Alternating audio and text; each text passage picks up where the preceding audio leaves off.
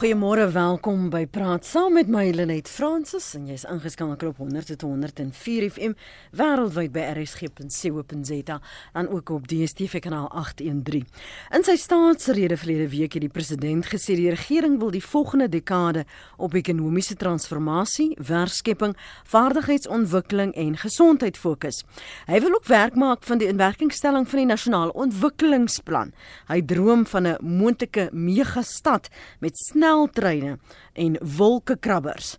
So vanoggend droom ons saam met die president oor moontlike scenario's vir sy prioriteitslys en hoe hy by sy droom van hierdie megastad kan uitkom of bou hy maar net ligkastele. Ons gaste vanoggend is professor Andre Dievenage, politieke ontleder verbonde aan Noordwes Universiteit se Potchefstroom kampus. Goeiemôre professor. Môre Lenet. En ons gesels ook met Dr. Morney Mostert, direkteur by die Instituut vir Toekomsnavorsing by die Universiteit van Stellenbosch se Besigheidsskool. Môre Dr. Mostert. Goeiemôre. Dankie ook vir jou tyd.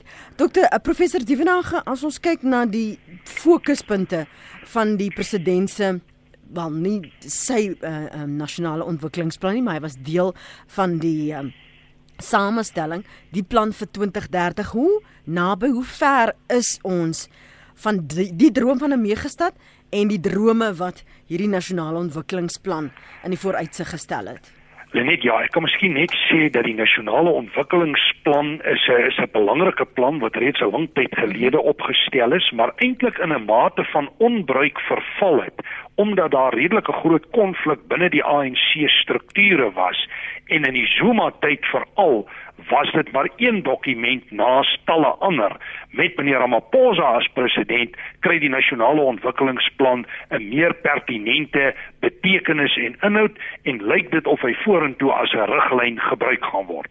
Maar in kort ek dink die nasionale ontwikkelingsplan stel 'n klomp doelwitte vir Suid-Afrika ekonomies, sosiaal, maatskaplik, polities en so meer raak ook terreine soos grondhervorming wat ek dink op hierdie stadium baie moeilik bereikbaar is gegee die breë politieke, ekonomiese en sosiale omstandighede in Suid-Afrika. As ons bloot maar net kyk waar die ekonomie op die oomblik staan, onlangs negatiewe groei ervaar, as ons verder kyk op die lyn wat gebeur met Eskom en ons weet krag en kragvoorsiening is essensieel vir ekonomiese groei en werkskepping, dan dan is ek werklik bekommerd oor waar die land hom breedweg bevind en moet ek sê dat die uh, president se staatsrede my nie werklik oortuig het mm. dat hy 'n sterk strategiese rigting het op die pad vorentoe en 'n vermoë het om dit te kan hanteer nie.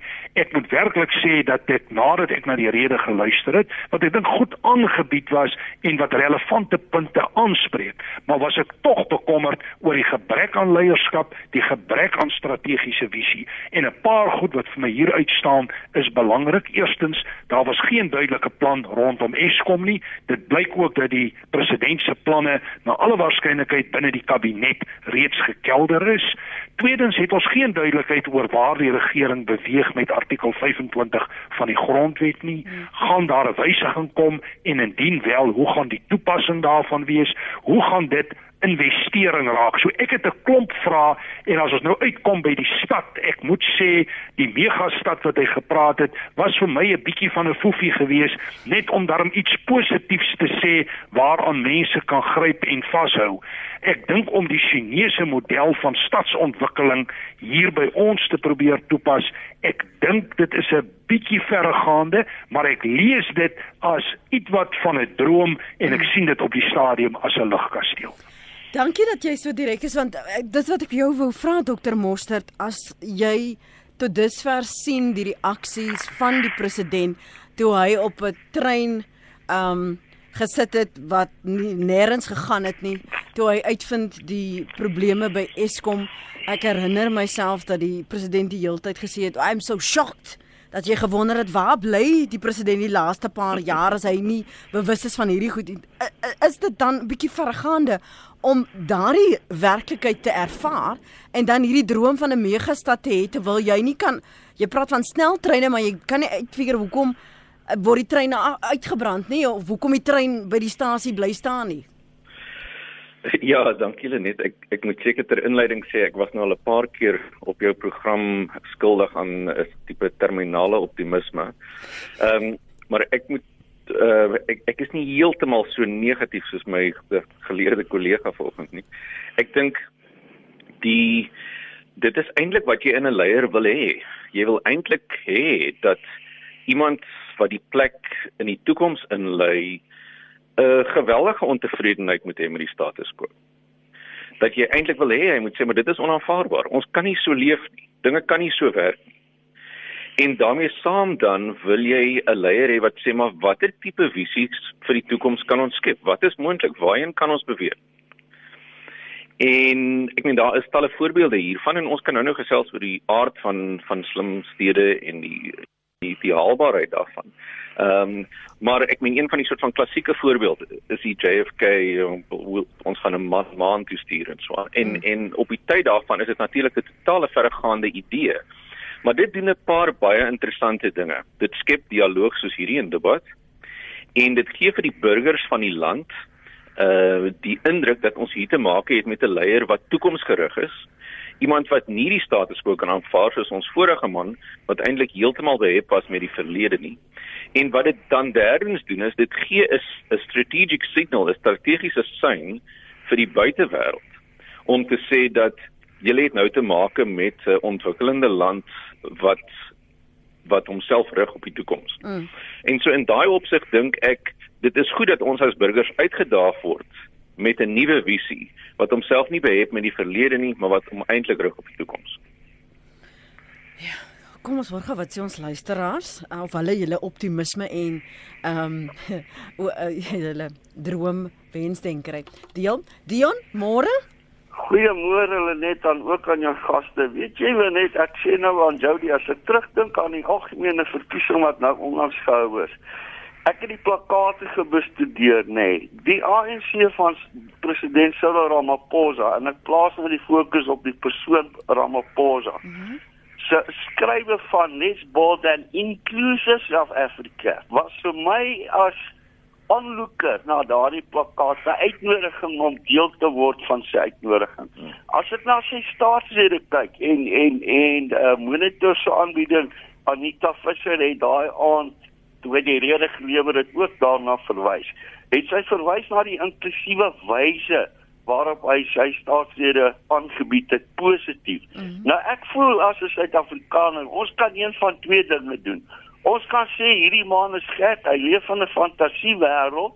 Kyk hoe gaan dit? Hy doen niks daaraan nie. Hy het nog niks gedoen nie.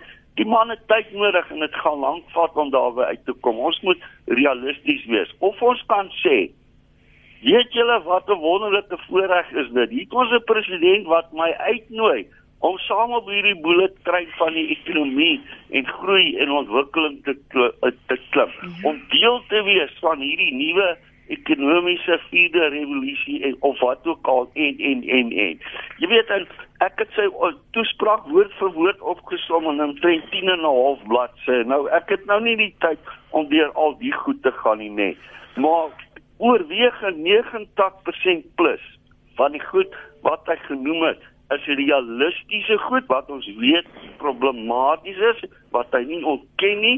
Hy het met baie goeie planne gekom. Ek dink byvoorbeeld aan sy uh, infrastruktuur inspuiting uh, met die hulp van die van die ontwikkelingsbank. Hy het sy standpunt gestel rondom die onafhanklikheid van die reservebank. Hy het gepraat van die metro's wat in in 41 distrikte verdeel gaan word met met dienslewering op elke vlak. Jy weet en so kan ek aangaan en so kan ek aangaan. So ek wil graag net die volgende sê nê. Nee. Ons kan een van twee dinge doen. Ons kan ons kan hom uitmekaar trek en sê dis onrealisties of ons kan positief wees en ons kan sê Ons het die man 'n kans gegee. Die kiesers van die land het hom 'n kans gegee. Anders was hy nie verkies op 8 Mei as die president van Suid-Afrika nie.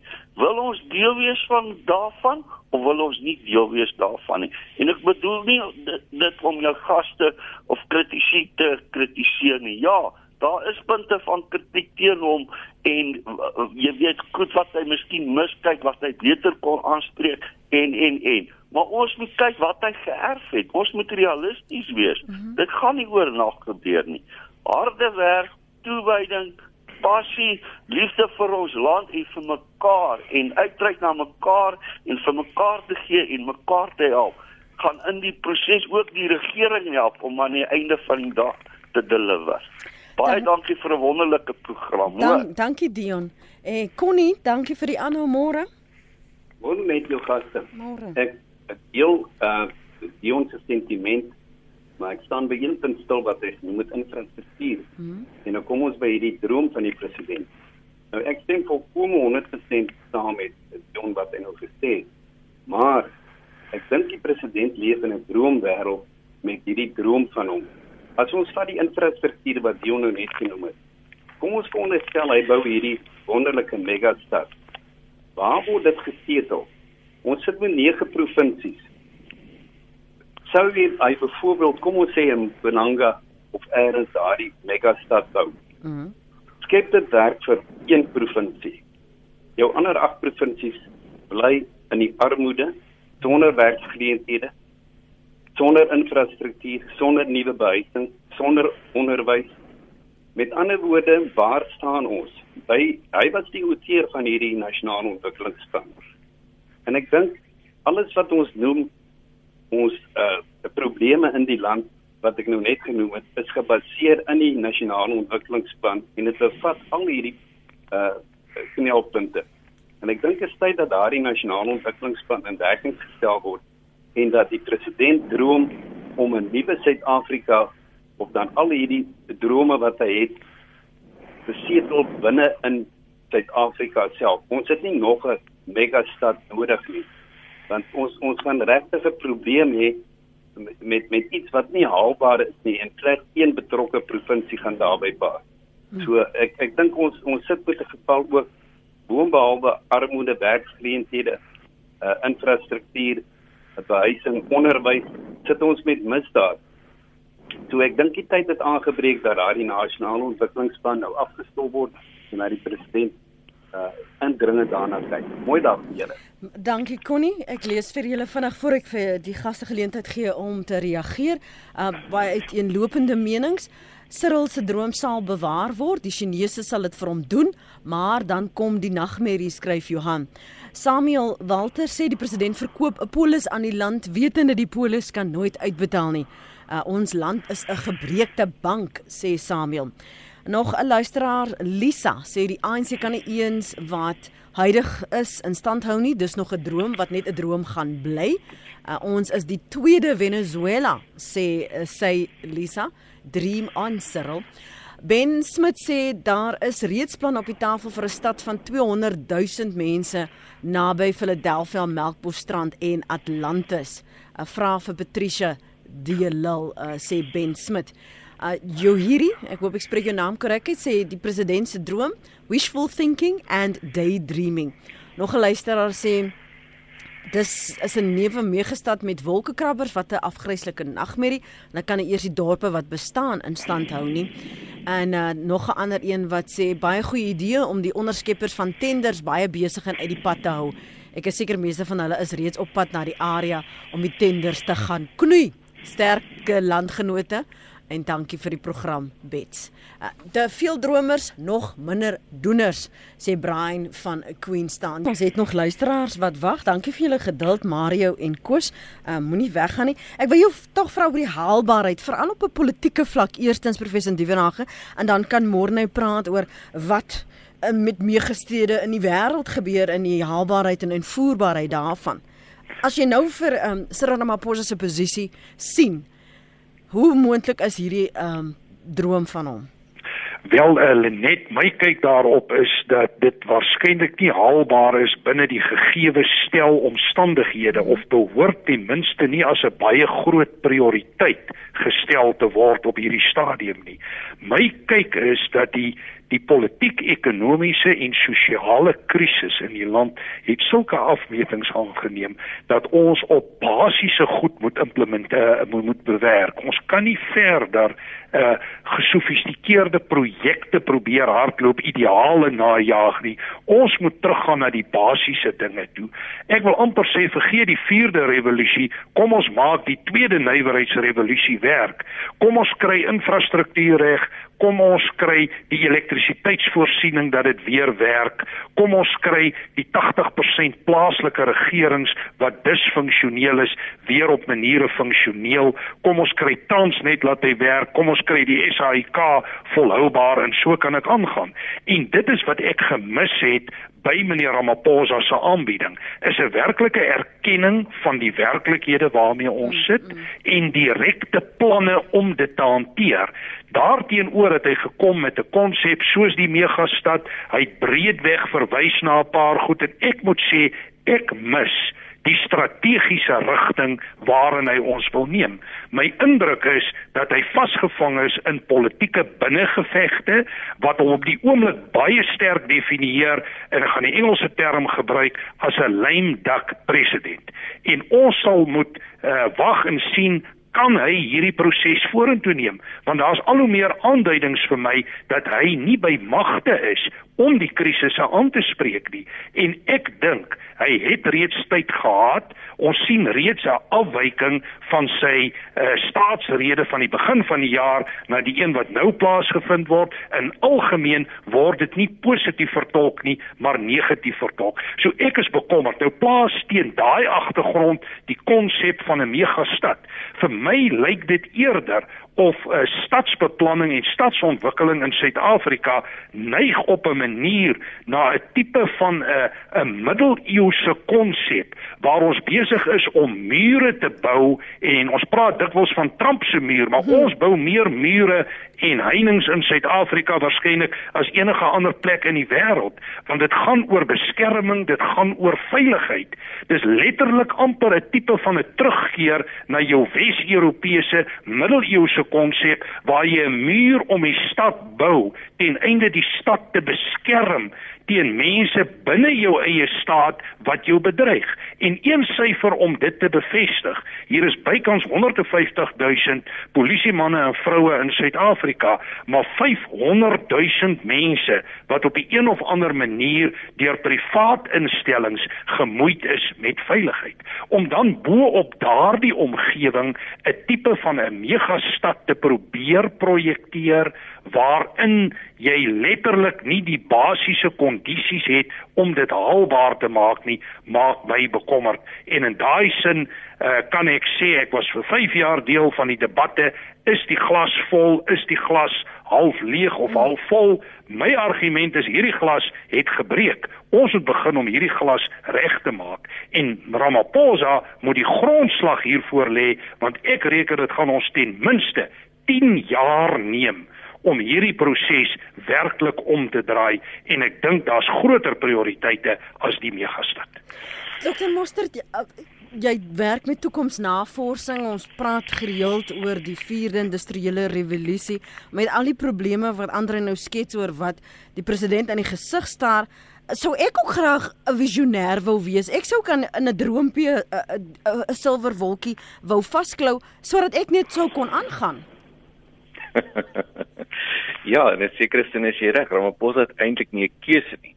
Ehm um, die Battlebreg het gesê omdat dinge is soos wat dit is, gaan dinge nie wees soos wat dit is nie. Met ander woorde, in 'n sekere sin het Ramaphosa nie 'n keuse nie. Kom ons sê hy het nie hierna verwys nie. Wat sou dit impliseer? Dit sou impliseer dat ons gaan nou maar aan, ons weet ons het probleme. Kom ons stel ons voor dit was ons leier waarna wie ons geluister het. Burgers van ons land, ons weet almal ons het nou maar probleme. Dit is nou maar hoe dit is. Ja, ons sal nou maar moet begin hard werk en jy weet, miskien moet ons nou maar vergeet van die 4de industriële revolusie. Watter boodskap sou dit vir ons gee? Waaroor sou ons vanoggend op jou program net gesels? Sou ons nie gesê het man wat van 'n bietjie visie, wat van 'n bietjie vooruitsig nie. Nou die die volgende ding wat ek wil sê is ek dink ehm um, van 'n politieke perspektief uh, kan 'n mens sê jy kan sê die man droom, maar drome is ook belangrik. Jy weet Martin Luther King het nie gesê I have a project plan nie. Ehm um, en ek dink dit is belangrik dat 'n mens alternatiewe visies skep, maar dan wil ek net vinnig daar byvoeg wanneer ons nou begin praat oor slim stede en terloops ek ek dis onder korreksie maar ek dink hy verwys na smart cities. Mm. Ehm um, dit is nie noodwendig 'n uh, megastad nie. Die, die ding wat ek wil sê oor die haalbaarheid is eintlik is tradisionele stede minder haalbaar as slim stede. Tradisionele stede is geweldig onproduktief dit word ontwerp deur 'n paar ouens wat dink hulle is baie slim wat in die stad sal bymekaar kom en die ding ontwerp namens die burgers. Wat slim stede doen, is dit gebruik data, die wisselwerking van die internet van dinge om die behoeftes van burgers op 'n baie meer wetenskaplike manier te bepaal en dan die stad rondom die burgers te bou en daarmee saam gaan gewoonlik 'n baie gesonder ekosisteem. Met ander woorde, die voorstel dat ons nou maar net eintlik die basics moet regkry, is eintlik die duurder opsie. Slim stede bied 'n alternatiewe opsie wat eintlik baie meer effektief die behoeftes van die burgers van die stad uh, bevredig. Hm. Mario hou vir ons aan. Dankie Mario, ons luister. Uh môre, môre Lenet. Môre, môre. Uh man, ek wil net sê Cyril Ramaphosa moet nou nie droom van 'n van 'n stad nie. Hy moet liewerste droom om om die land se probleme reg te kry soos die skuld by by Eskom en die en die probleme daar en by die SAIK en meer. Jy weet eh, hy moet dit dit moet sy droom wees. En en jy weet nog 'n probleem wat Cyril Ramaphosa moet kyk is om ons later raad van hierdie ligdiens van ons. Hierdie ligdiens vir ons is 'n geldvreter. Kan nie kan nie sit met 'n met 'n ligdiens wat uh wat ondoeltreffend is in in in in waarvoor hulle almekaar net geld vra nie. En 'n baie belangrike ding is hier in in in dit is wat die mense ook wil wil weet is dat die die die NVG die nasionale vervolgingsgesag het 'n het 'n groot probleem. Daar's baie baie geld gesteel deur staatskaping in in daai skuldiges moet aan die pen gery word of in die pen ry en hulle moet voor die, voor die howe gedaag word en en daai geld moet teruggekry word. So so Cyril Ramaphosa moet nie droom van 'n van 'n megastad nie. Hy moet droom, sy droom moet wees om om ons land se probleme reg te kry en om in om die skuld af te bring en en die groot probleem by by Eskom aan te spreek en en en en dat dit weer goed sal werk. Mamma Mario Mario jy moet nog gehoor Dr Mostert sê dit is belangrik om ehm um, as jy nou beleggers wil trek en jy moet jy 'n droom verkoop. En en hierdie is nou 'n moontlikheid van kom belê on ons. Kom kyk hierdie is ons plan. Dit het wil ons in 'n dekade plus doen. Sal dit nie vir jou met meer entoesiasme uh ehm uh, na die tafel bring nie? Nee nee nee nee. Daai mense wil wil ook sien dat dat Suid-Afrika hulle probleme uitsorteer. Hulle hulle ek glo nie net hulle hulle wil hoor van 'n van 'n megastad nie, want hulle want hulle hulle weet Suid-Afrika het probleme. Hulle weet Suid-Afrika het probleme soos Eskom en en die SAIK en en en, en die die buiteland weet ook baie goed van ons van ons posisie. Maar hulle wil ons om dit aanspreek. Voor voor ons praat van 'n van 'n megastad en en en eh, nou waar gaan die geld van die megastad vandaan kom as ons as ons nie nou eers ons probleme kan aanspreek nie. Goed, dankie Mario. Mooi dag verder. Ja. Koos. Welkom. Goeiemôre net. Ja, ek dink uh, hier's nou baie gesê deur jou deur uh Andrei en ook die laaste inbeller wat ek wat ek wou gesê het. Uh as ek na die die 6 of 7 punt plan van Ramaphosa kyk, was munisipaliteite een van die punte wat hy graag sou wil regstel. En vir my vir my persoonlik voel ek dat dit eintlik die fundament is waarop 'n mens enige iets moet gaan bou is munisipaliteite wat reg funksioneer. Maak nie saak of jy droom van 'n megastad of wat se stad ook al nie. So uh, my bekommernis is net op op hierdie stadium van die Wesdryf is baie inwoners van hierdie land ongelooflik ongelukkig oor die situasie waarin die munisipaliteite is want dit raak aan die mense se lewenstyl dit raak aan hulle water hulle kragvoorsiening en alles en nou wil ek dan nou vir die here vra met 'n beleidsraamwerk wat uitdig is van die politiek want ons gaan nie hierdie hierdie megastad of wonderlike stad en alles gaan ons nie skei van wat die beleid van die ANC is nie. Nou wil ek mense vra, hoe gaan jy met 'n beleid van regstellende aksie kundiges inkry om dan hierdie megastad te bou of om dan dit wat op oomblik verkeerd is in Suid-Afrika reg te stel? Hoe gaan jy met swart ekonomiese bemagtiging werklik dit regkry om teen bes, bes, teen betaalbare kostes al hierdie goed reg te kry want want ongelukkig is dit so dat swart ekonomiese bemagtiging is besig om 'n sekere groep mense ryk te maak. Swart ekonomiese bemagtiging het hierdie land eintlik wat my aan betref in die moeilikheid waarin hy is want net 'n sekere groep mense baat by hierdie dinge. So ek sou graag wil weet kan hierdie stede gebou word? Kan hierdie land reggemaak word met 'n beleid van regstellende aksie en swart ekonomiese bemagtiging? Baie dankie. Dankie Koos. Ons gaan nou vir uh, professor Duvena gevra om daarop te reageer. Een van ons luisteraars skryf hier. Uh, anoniem sê die eerste dag uh stryk al die werkers want hulle kry nie transport nie of wat ook al nie. Tensy ons mense se produktiwiteit kan verander, kan ons transformeer tot ons blou is en niks sal verander nie. Kom ons praat oor hierdie beleidsraamwerke wat uh, Koos van praat, Andrej. Uh Lenet, ek wil net so vinnig teruggaan hmm. op die visie gedagte. Ek dink uh uh dit is reg om te sê daar moet 'n visie kom en 'n strategiese visie is belangrik. Of daardie visie nou gefokus moet word op 'n smart city of 'n mega city, dit weet ek nie. Ek sou veel eerder dink mens moet 'n visie formuleer wat nasionaal mense bymekaar trek, iets in terme van 'n reënboognasie of iets waarna groei is. Ek lees ook die Martin Luther King I have a dream meer binne daardie breër konteks. Die oomblik as ons begin praat van stede en smart cities en megacities, dan raak ons 'n bietjie meer spesifiek. En ek is nie oortuig dat dit regtig 'n strategiese visie was wat meneer Ramaphosa probeer bied het nie. Ek sien dit meer as so 'n fokusverandering om nou net iets in die spel in te bring om mense 'n bietjie moed te gee. Maar in kort om terug te kom by jou vraag, die hele kwessie van beleid en beleidsraamwerke. Ons probleem in Suid-Afrika was nog nooit beleid nie. Ons het baie goeie beleid geformuleer, maar ons is uiters swak in die toepassing van beleid. Dikwels ontbreek die kapasiteit staatkundig om beleid toe te pas. Dikwels ontbreek die politieke wil om beleid toe te pas.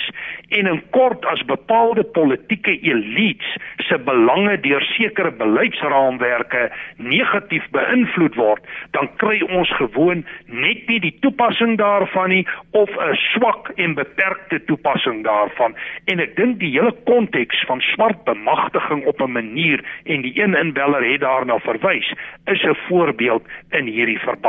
Op die ander lyn sou mens die vraag kon vra, hoe gaan 'n megacity of as jy dan op 'n ander lyn wil werk, 'n smart city funksioneer binne die huidige politieke narratief waarmee ons hmm. besig is hmm. en dit is steeds 'n bevrydingsnarratief en daar lê my groot probleem uh, met die Suid-Afrikaanse politiek ons is steeds so vasgevang in 'n bevrydingsmodus dat daar nie werklik ruimte is vir doelmatige en goeie besluite en ook in 'n sin beleid en beleidstoepassing nie want dikwels gaan dit teen die grein van die politieke bevrydingskonteks en kom ons gebruik een voorbeeld.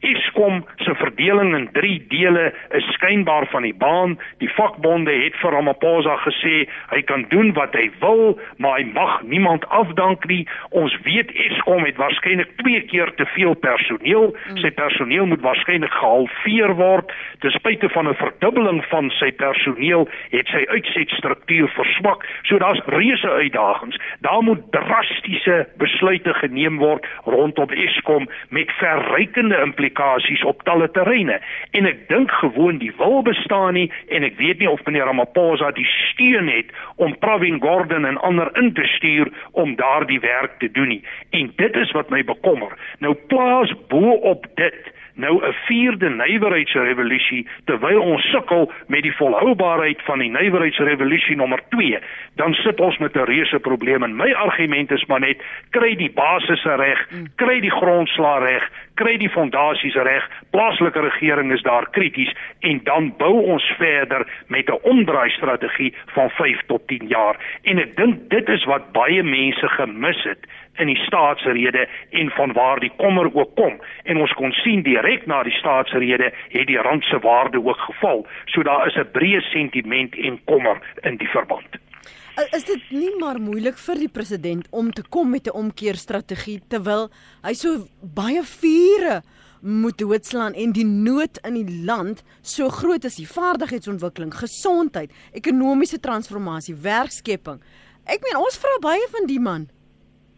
Lenet ja, jy's heeltemal reg. Ons vra geweldig baie, maar iewerster moet ons die draaipunt bereik waar ons sê nou moet ons die situasie begin aanspreek. Ons het nie meer die luukse om hierdie goed te ontduik nie. Ek het groot waardering vir die feit dat meneer Ramaphosa instaan in hierdie tye dat hy die situasie probeer aanspreek. Hier het 'n stel omstandighede ontwikkel binne 'n ANC beleidskonteks wat werklik uh, 'n uh, groot krisis definieer. Hy moet pa staan daarvoor en ek moet sê dit is 'n bykans onmoontlike taak om te hanteer. Maar die beginpunt in krisisse erken waar jy staan begin met 'n plan kry iets reg en ek sou sê as hy drastiese stappe kan neem nou en hy kan Eskom op 'n gesonde grondslag plaas ten spyte van die ongewildheid daarvan dan het ons 'n tree vorentoe gegee. Dan het ons beweeg in 'n rigting wat positief is en sukses het 'n manier om sukses te skep op ander terreine. Dit sou my eerlike advies vir hom wees op hierdie stadium. As ons praat van sukses kom ons hak gedaan môre toe ons die sokkerwêreldbeker toernooi aangebied het, toe bou ons 'n goudtrein. Wat ongelooflike moontlikhede gebied het. So dit lyk asof as daar 'n wil is, kan daar 'n weg wees, 'n treinweg in in hierdie geval. Um so wat ons help om nader aan hierdie idee van 'n slim stad te beweeg. Korrek, wat is ons alternatief? 'n Dom stad. Met ander woorde, ons het nie eintlik 'n keuse nie eintlik wat meneer Ramaphosa genoem het, hy maar net beskryf wat in elk geval met stede gebeur. Mm. Met ander woorde, in die res van die wêreld debatteer mense nie of die stad slim moet wees of nie. Hulle besef dat die finansiële model wys daarop dat dit baie duurder is om 'n tradisionele stad te bou en te bestuur as wat dit is om 'n slim stad te bou en te bestuur want jy mors eenvoudig geld. Jy weet nie hoe om besluite te neem nie. Jy kry 'n paar ouens in die top in die hoogste vloere wat die besluite neem en hulle het nie data nie. Met ander woorde, 'n data-ryk omgewing gee vir jou baie meer besluitneming en dit maak jou besluitneming geweldig meer koste-effektief. Nou in Suid-Afrika kla die hele tyd dat geld nie korrek gebruik word nie. Maar een van die redes daarvoor is omdat ons nie data het nie. Met ander woorde, ons kan nie ordentlike besluite neem nie. 'n Slim stad is, moet ons ook net onthou, dit is 'n ikoon. Dit is 'n voorbeeld van wat 'n plek so Suid-Afrika kan regkry. En die goudtrein was nog een van daai voorbeelde. Die wêreldbeker en ons het bestuur dit was nog een van daai voorbeelde. Maar een van die probleme met Eskom wat mense sou kon redeneer mee, is dat hulle is eintlik besig om in 'n tweede industriële revolusie model te aanhou werk. En dit is hoekom dit nie werk nie. Mm want die res van die wêreld het nou al so getransformeer en is al op die 4de industriële revolusie in voorbereiding daarvoor en ons Hanna Hanna nog aan die kant en ons herhaal dieselfde foute. Dit is presies my argument en in plaas daarvan om teruggekeer na die tweede revolusie wil ek eerder voorstel kom ons beweeg na die 5de industriële hmm. revolusie. Hmm. Sê gou vir ons wat as ons praat vir ons luisteraars wat ehm um, vashak aan 'n megastad idee. Hierdie slimstede, wat sou jy daar kry en waar in die wêreld sou jy nou sê hierdie is 'n voorbeeld van 'n slim stad, dis waarheen ons sou kan beweeg. Maar ek dink daar is uh, daar is uh, nou maar 'n dispuut oor presisie definisie, maar hmm. eintlik gaan dit oor 'n data-ryke omgewing waar die dinge met mekaar gesels in die stad. Met ander woorde, die lampaal kan bepaal hoeveel karre daar verbyry elke dag. Hmm. En op grond van daai data kan jy dan besluit hoeveel breër moet jy hierdie pad maak wat moet daar in die stadsontwikkeling gebeur en hoe kan jy ekologies hiermee te werk gaan. en goeie voorbeelde is as ek nou dink waar waar was ek Dubai, uh Helsinki, uh Melbourne, daar's 'n daar's 'n paar stede in die wêreld wat baie goeie voorbeelde hier is daarvan en natuurlik is stede op verskillende vlakke van data rykheid. Die punt is dat jy samel data in die burgers van die land deel ook hulle eie data byvoorbeeld die die patrone van hoe hulle ehm um, met die uh, met die uh, vervoerstelsel omgaan waar hulle dinge koop waar hulle rond beweeg hoe hulle beweeg waar deur hulle beweeg. En dan gebruik jy daai patrone in daai data om die stadsontwerp te informeer eerder as wat jy 'n stadontwerper en 'n burgemeester en 'n hoofspan iewers sê wat sê man ek het 'n plannetjie kom ons bou hier 'n plein en dan sit ons 'n ou op 'n perd met 'n mes in sy hand en so aan. Nee, ons ontwerp die ding rondom die data wat die burgers vir ons gee en dit gee eintlik dan vir jou 'n baie burgergesentreerde ontwerp van stede net in terme van die befondsing vinnig. Wat gebeur is die die goed ontwikkel sy eie ekosisteem. Met ander woorde, sodra jy 'n tipe infrastruktuur skep, 'n basiese infrastruktuur, begin jy besighede aantrek. Wanneer jy besighede begin aantrek, nou begin jy ander slim mense aantrek wat graag daar wil werk. Wanneer jy hulle aantrek, nou begin jy uh allerlei e ekosistemiese dinge daar rondom dienste byvoorbeeld ontwikkel. Met ander woorde, dit is nie 'n geval van die regering gaan nou 100 miljard rand belê en dan het ons nou 'n stad en dan moet iemand nou kom om dit te bewoon nie. Die ding ontwikkel organies ehm um, en dit begin gewoonlik met 'n dataryke omgewing wat die ontwerp informeer. Nou kom ons gee ons luisteraars geleentheid om saam te gesels. Dis kwart voor 9. Ons praat verder vanoggend met professor Andre Duvenage, politieke ontlede verbonde aan Noordwes Universiteit se Potchefstroom kampus en Dr. Morney Morsert, hy was sopas aan die woord, direkteur by die Instituut vir Toekomsnavorsing by die Universiteit van Stellenbosch se Besigheidsskool. Ons praat oor die president Cyril Ramaphosa se droom vir 'n slim stad, 'n stad met moontlikhede wat beleggers gaan aantrek en wat koop jy in op daardie droom. Sommige van julle is woes vanoggend. Uh een sê die president het van die nuwe Jerusalem gedroom. Ek wonder of daar goue strate was. En 'n ander een sê nee, al die geld wat gesteel is, moet hy maar nou sy stad met Lego blokkies bou. Sê Nico daar op Mosselbaai. Walter, ek hoop jy is meer optimisties. Kom ons hoor of jy is. Praat gerus Walter. Ja, ek, ek wat die plan betref oor die die stad, kyk dit gaan nie in 'n Afrika kultuur inpas nie. Ehm um, ons sien dit in Suid-Afrika ook. Jy weet alle grond oop stukke grond moet beskikbaar wees vir vir mense wat dit eh uh, kan benut. So jy sal so stad sal absoluut nie werk nie. Gaan jy 'n diep sloot toelaat daarso? En nee, jy wil dit nie graag doen nie. So die hele Afrika kultuur waar die tribal system ook nog deel van is sal dit nooit inpas nie. In Europa kan dit werk, maar nie in Afrika nie. So kom ons bou liewers 'n ander tipe stad of ons probeer ons huidige stede opgradeer. Dis Walter se mening, maar as jy nou kyk môre, jy hoef mos nou nie die hele land te ontwikkel. Daar is maar sekere, hulle noem dit hubs.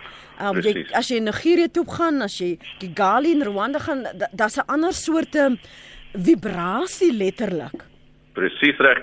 En eintlik die hierdie idee dat ehm uh, jy weet die nuwe wêreld en die toekoms kan nie in Afrika werk nie. Wel die die data is ongelukkig teen daai argument.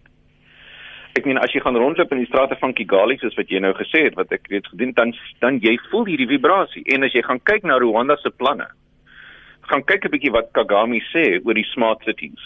Ehm um, en die feit dat dat Rwanda byvoorbeeld nou nou onthou net gou-gou waar kom Rwanda vandaan? Onthou net vir 'n oomblik die Hutus en die Tutsis ja, ja. dieselfde jaar as wat Suid-Afrika sy eie demokrasie gekry het, né? Nee? So dieselfde dieselfde jaar, so die traject is soortgelyk, verskillende redes. En nou is Kigali een van die wêreld se top slim stadregerings. Met ander woorde, sonder 'n idee, sonder 'n skets van 'n moontlike verkieslike toekoms, bly jy mens eintlik waar jy is. In Suid-Afrika het ons te lank teruggekyk. Ons kry nou 'n leier wat vir ons sê, kom ons dink 'n bietjie hoe kan dit lyk? Nou goed, nou kan 'n mens kritiseer, maar is dit nou presies dit of is dit dalk iets anders? Mm. Maar die boodskap is baie duidelik. Ons is besig om in 'n nuwe toekoms in te gaan en dit is eintlik wat ek dink baie mense voorgevra het. So die dit kan werk in Afrika en dit gaan werk in Afrika. Suid-Afrika moet net besluit wil hulle saamspeel of nie. Piet, jy's op lyn 2 en jy laaste inbeller. Môre Piet? Uh, môre Lenet, hoe gaan dit môre aan met jou en jou gaste? Dit ons klink goed. Dankie. Wonderlik. Nou kom ek gee 'n bietjie veel wonderlike nuus. Aha. Uh -huh. Ek was gister by Letoile huis en ek is daar geweer om vir die president te vat 'n uh, oplossing wat hy oorgebid het. Ek het in 2013 het ek op die op oplossing afgekom waaroor die wêreld bid. Ek het op die sewende manier van energie afgekom hoe om die sewende manier krag te werk vir Suid-Afrika uit die see uit. Ek het in 2013 het ek dit ontdek. En weet jy wat net ek kan vir jou sê As ek mag ek Engels praat? Nee, as jy gemaklik is om jouself uit te druk? Nee, ek, ek, ek wil die president se woorde herhaal wat hy in 2016 in Davos gesê het. If we can't find a way to renewable energy without using fossil fuels, solar, wind, hydrogen and nuclear, everything we say is a pipe dream.